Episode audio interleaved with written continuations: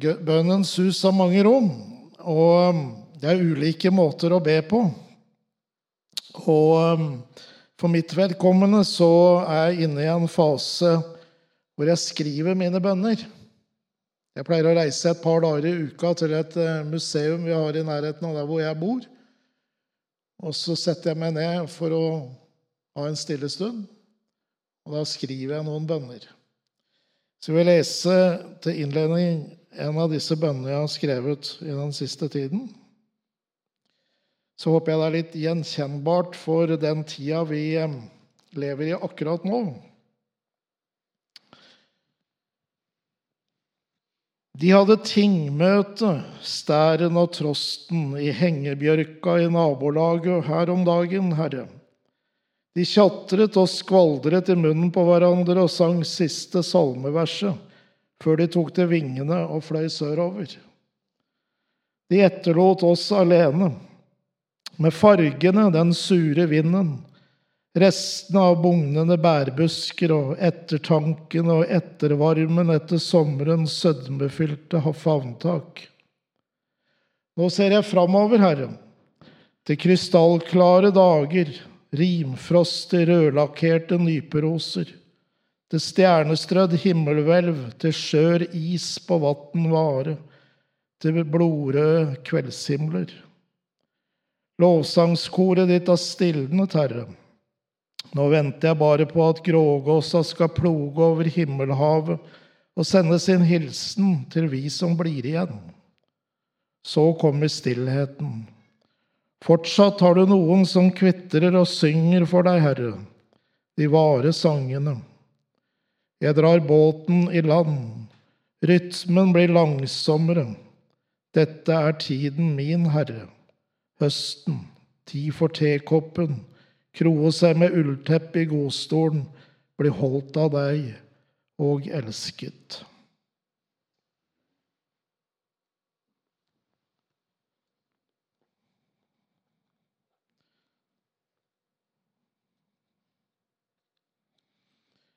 Gjør kroppen min stille så jeg kjenner mine ord. Gjør tungen min stille så jeg hører mine tanker. Gjør tankene stille så jeg merker hjertet slå. Gjør hjertet mitt stille så min ånd kan tre fram. Gjør ånden min stille så din ånd kan tale i meg.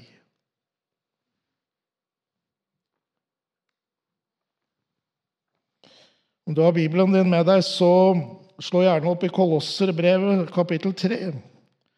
Kolosserbrevet kapittel 3. Og så skal vi lese de fire første versene. Kolosserbrevet 3 og de fire første versene.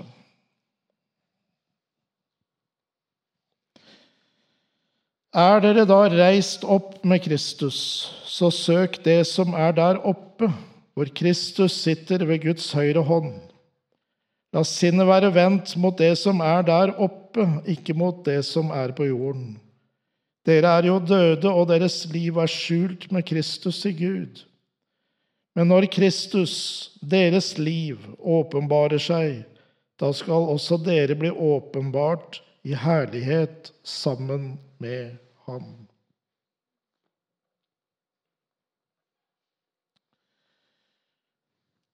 Richard Foster, som har skrevet så mye om det indre livet, har formulert seg slik vår tids mest desperate behov er ikke for et større antall med intelligente mennesker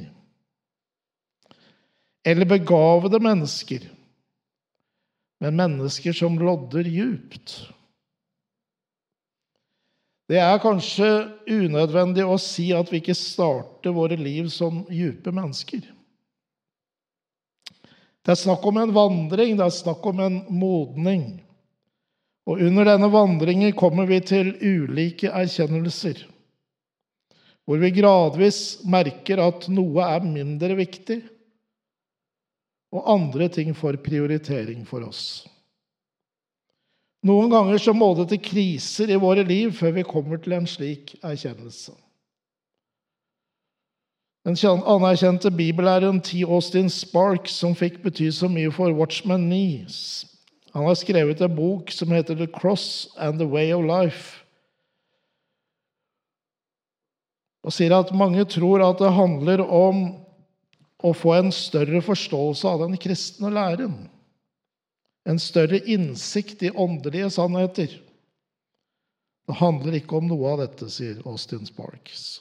Så svarer han selve kjennetegnet på åndelig utvikling og modenhet er dette at vi har avtatt så mye, og Herren Jesus har vokst tilsvarende mer.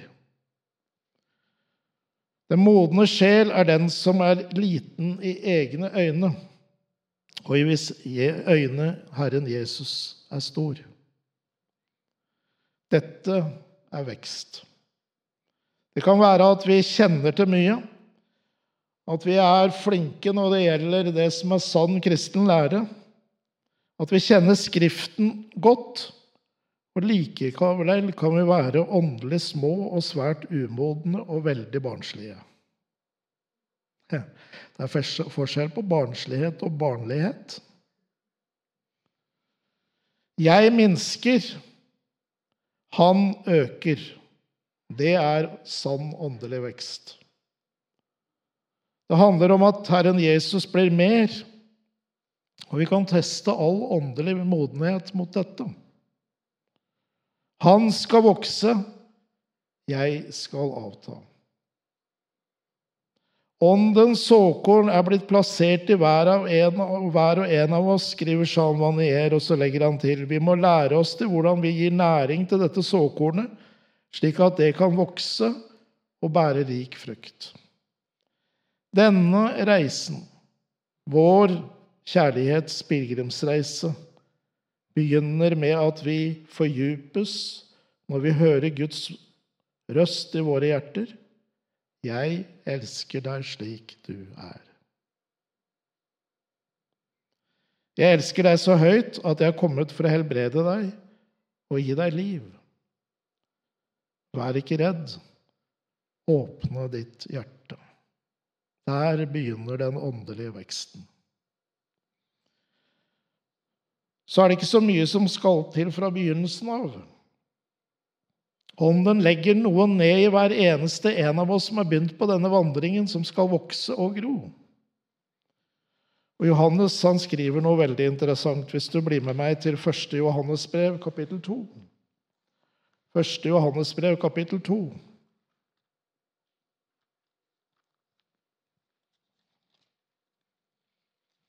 Det er vers 12 til og med vers 14. 1. Johannes kapittel 2, vers 12-14. Dere barn, jeg skriver til dere for dere synd, fordi dere har fått syndene tilgitt for Hans navns skyld. Dere fedre, jeg skriver til dere fordi dere kjenner Han som er fra begynnelsen av. Dere unge, jeg skriver til dere fordi dere har seiret over den onde. Ja, barn, jeg har skrevet til dere fordi dere kjenner Far. Dere fedre, jeg har skrevet til dere fordi dere kjenner Ham som er fra begynnelsen av. Dere unge, jeg har skrevet til dere fordi dere er sterke. Guds ord blir værende i dere. Og dere har seiret over den onde. Jeg tror Johannes beskriver den åndelige modningen og veksten når han skriver dette. Han beskriver barna, han beskriver de unge, og han beskriver de han kaller fedrene. La oss se litt nærmere på det her. Jo, barnet gleder seg over syndernes forlatelse. Noe større finnes ikke. Det er en enkel glede, en ren og jublende glede. Og akkurat dette er jo noe som burde holde livet ut. Gleden over at våre synder er oss tilgitt. De unge Johannes skriver om, kjennetegnes av at de har seiret over den onde, og de er sterke fordi Guds ord blir værende i dem. Det er den neste fasen vi kommer inn i. En god fase, ofte kjennetegnet av begeistring og glød, det er få ting som er problemer. Man er entusiastisk. Man søker å finne Guds kall for ens eget liv, og man kaster seg ut i det meste med iver og begeistring, som er helt unik for denne fasen av livet. Men denne fasen av ens liv med Gud har også sine negative sider. Skråsikkerheten. Man er ikke tilsnakkende i det hele tatt. Man vet det meste. Har oversikten, tror man. Fordi ingenting er problemer, så ser man heller ikke hvordan livet er til for andre. Det er seg selv det handler om.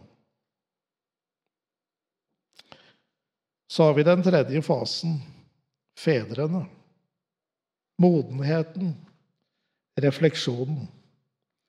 Den fasen av vårt åndelige liv hvor teoriene settes på prøve og skal leves ut i praksis. Det er ofte en smertefull fase hvor vi går dypere. Hvor vi må lære oss å slippe tak i ting, og hvor Jesus mer og mer blir vårt liv. Min åndelige far, en gammel pinsevenn som ble mange og 90 år gammel, han sa at min teologi er blitt veldig enkel på slutten, Bjørn Olav. sa han. Den består i grunnen av bare ett ord Jesus. Hos Johannes så kjennetegnes fedrene av dette. De kjenner ham som er fra begynnelsen. Ikke bare har hørt om ham, ikke bare har lest om ham, men de kjenner ham. Han nevner dette faktisk to ganger i disse få versene vi har lest. Vandringen med Herren fører gjennom år fører til dette. Vi kjenner ham. Ikke som en teori, heller ikke bare i begeistringens glød og iver, men vi har lært ham å kjenne gjennom erfaring. Når vi er unge, og nå snakker jeg ikke nødvendigvis om alder, så leser vi oss opp på både det ene og det andre. Vi har et teoretisk forhold til ting.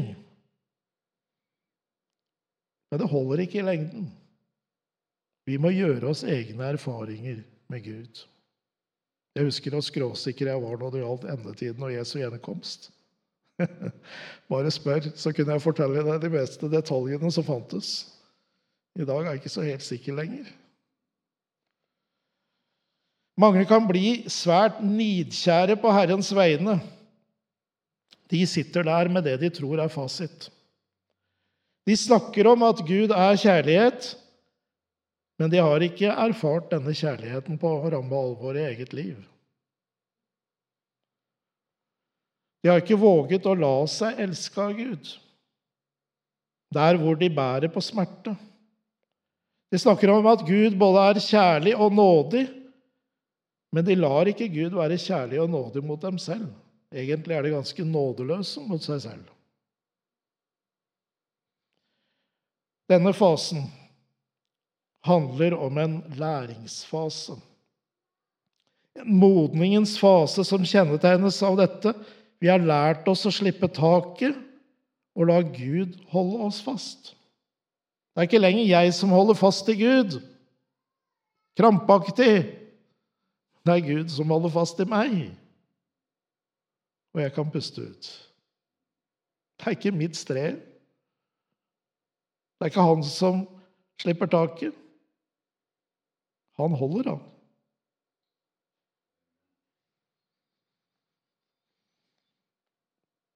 De smertefulle erfaringene vi gjør oss i denne perioden, bl.a. den at Gud kan kjennes så uendelig langt borte fra oss, modner oss og gjør oss tryggere når vi gjør den erfaringen at vi hviler i Guds armer. Først fravær, så nærvær. Og hver gang et menneske møter Gud eller kjenner nærværet hans, er det av og til slik at det kjennes som en uklar skygge, et spor som vi ikke helt kan tyde. Men fraværet kan enkelte ganger være så intenst, så full av lengsler, at vi egentlig ikke kan være det foruten. Ja, fraværet ligner noe gang mer på det nærværet som vi lengter etter. I 1939-1940 så samles en gruppe kristne i Shanghai for å lytte til undervisningen til Watchman Nee. Hans tema er Kristus, Guds ett og alt. Han sier bl.a. til dem det Gud gir oss, er Kristus selv. I åndelige anliggender ser vi og berører vi ofte noe som kun er et uttrykk eller en bokstav, uten at det egentlig er til åndelig nytte for oss. Det vi virkelig trenger, er å be Gud åpne våre øyne, slik at vi kan kjenne Hans sønn. Det som kjennetegner kristendommen, er at dens kilde, dybde og rikdommer finnes i Sønnen. Det betyr ikke noe hvor mye vi kjenner til metoder eller lærespørsmål eller kraft. Det som virkelig betyr noe, er kjennskapet til Guds sønn. Å kjenne Guds sønn er veien. Å kjenne Guds sønn er sannheten. Å kjenne Guds sønn er livet. Vår kraft kommer fra å kjenne Hans sønn. Alt det Gud gir oss, er sin sønn, ikke en masse ting. Derfor dreier hele spørsmålet seg om å kjenne Guds sønn. At Herren åpenbare for oss det jeg sier nå. Watchman Nee sier det slik alle åndelige ting som er utenfor Kristus, er døde. Gud har ikke gitt oss en metode, han gir oss sin sønn. La oss huske at Gud, i stedet for å gi oss den ene tingen etter den andre, gir oss Jesus. Døperen Johannes hadde oppfattet dette når han sier, 'Han skal vokse, jeg skal avta'. Det kan også oversettes 'minske' eller 'svinne bort'. Han blir igjen. En som fikk stå i mange vekkelser, var Roy Hesson. Om sine erfaringer med en stor vekkelse som gikk over Øst-Afrika på slutten av 1940-tallet, har han skrevet en bok som heter Golgata, veien til vekkelse. Den kom norsk, på norsk i 1977, oversatt i over 40 språk, faktisk. Og Roy Hessen beskriver et avgjørende punkt i hans liv på denne måten. Dette betyr at jeg nå må velge å la mitt eget jeg dø, slik at Jesus får være alt, og at jeg stadig må gå til ham for å renses i hans dyre blod.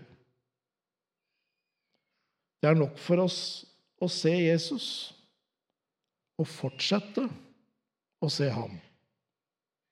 Og når vi gjør det, vil vi også få alt det andre vi trenger å se, på den måten vi trenger å se det. Alt vi vil få, så, få se i riktig relasjon til ham, som alltid må være sentrum for oss.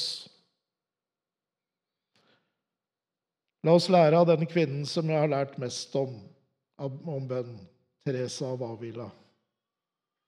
Hun sa det slik Når du ber, må du huske at det er giveren som er gaven.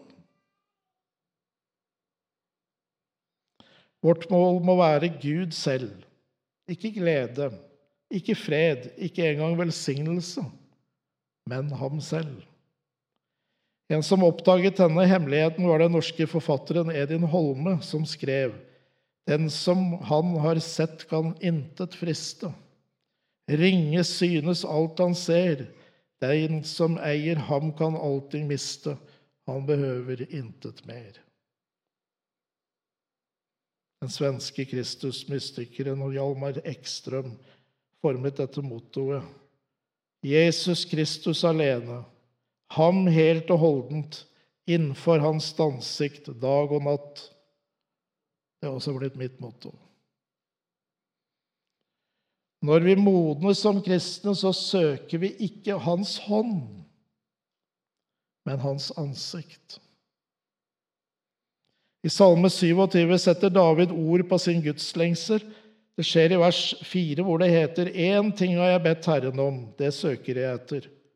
At jeg må bo i Herrens hus i alle mitt livs dager, for å skue Herrens prakt og grunne i hans tempel. Men så sier David, slik det gjengis i vers 8 og i første del av vers 9 Jeg minnes at du har sagt, dere skal søke mitt ansikt. Ditt ansikt søker jeg, skjul ikke mitt ansikt for deg. Det er ham og ham alene vi søker. I den modne fasen med livet er å kjenne, elske og vandre Gud det viktigste. Mennesker i tidligere tider kalte faktisk livets slutt døden for å se Gud.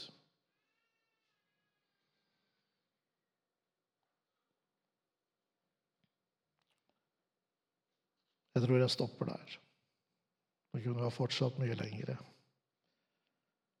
Men det er nok. Det er nok. Det viktigste er at vi sitter igjen med Herren Jesus. Ikke med mine ord, men med Herren alene. Han er selve sentrum. Og det å lære ham å kjenne er det sanne livet. Herre Jesus, innenfor ditt ansikt, du som lyser din fred over oss. Deg vil vi kjenne, deg vil vi elske. Du kommer til oss så stillferdig i den skjøre stillheten og hvisker inn i våre liv at vi er elsket, at vi er sett, at vi er holdt. Vi er deg evig takknemlig for å høre deg til. Takk at det er du som holder oss, og ikke vi som holder deg. Takk at når vi går igjennom modningens år, hvor vi prøves, hvor vår tro rystes, så kan ingen rive deg ut av vår fars hender. Og ingen kan rive oss ut av dine hender, Herre. Vi hører deg til. Takk for at du har skrevet navnet vårt i livets bok, og ingen kan viske det ut. Vi er evig dine, og du er evig vår. Amen.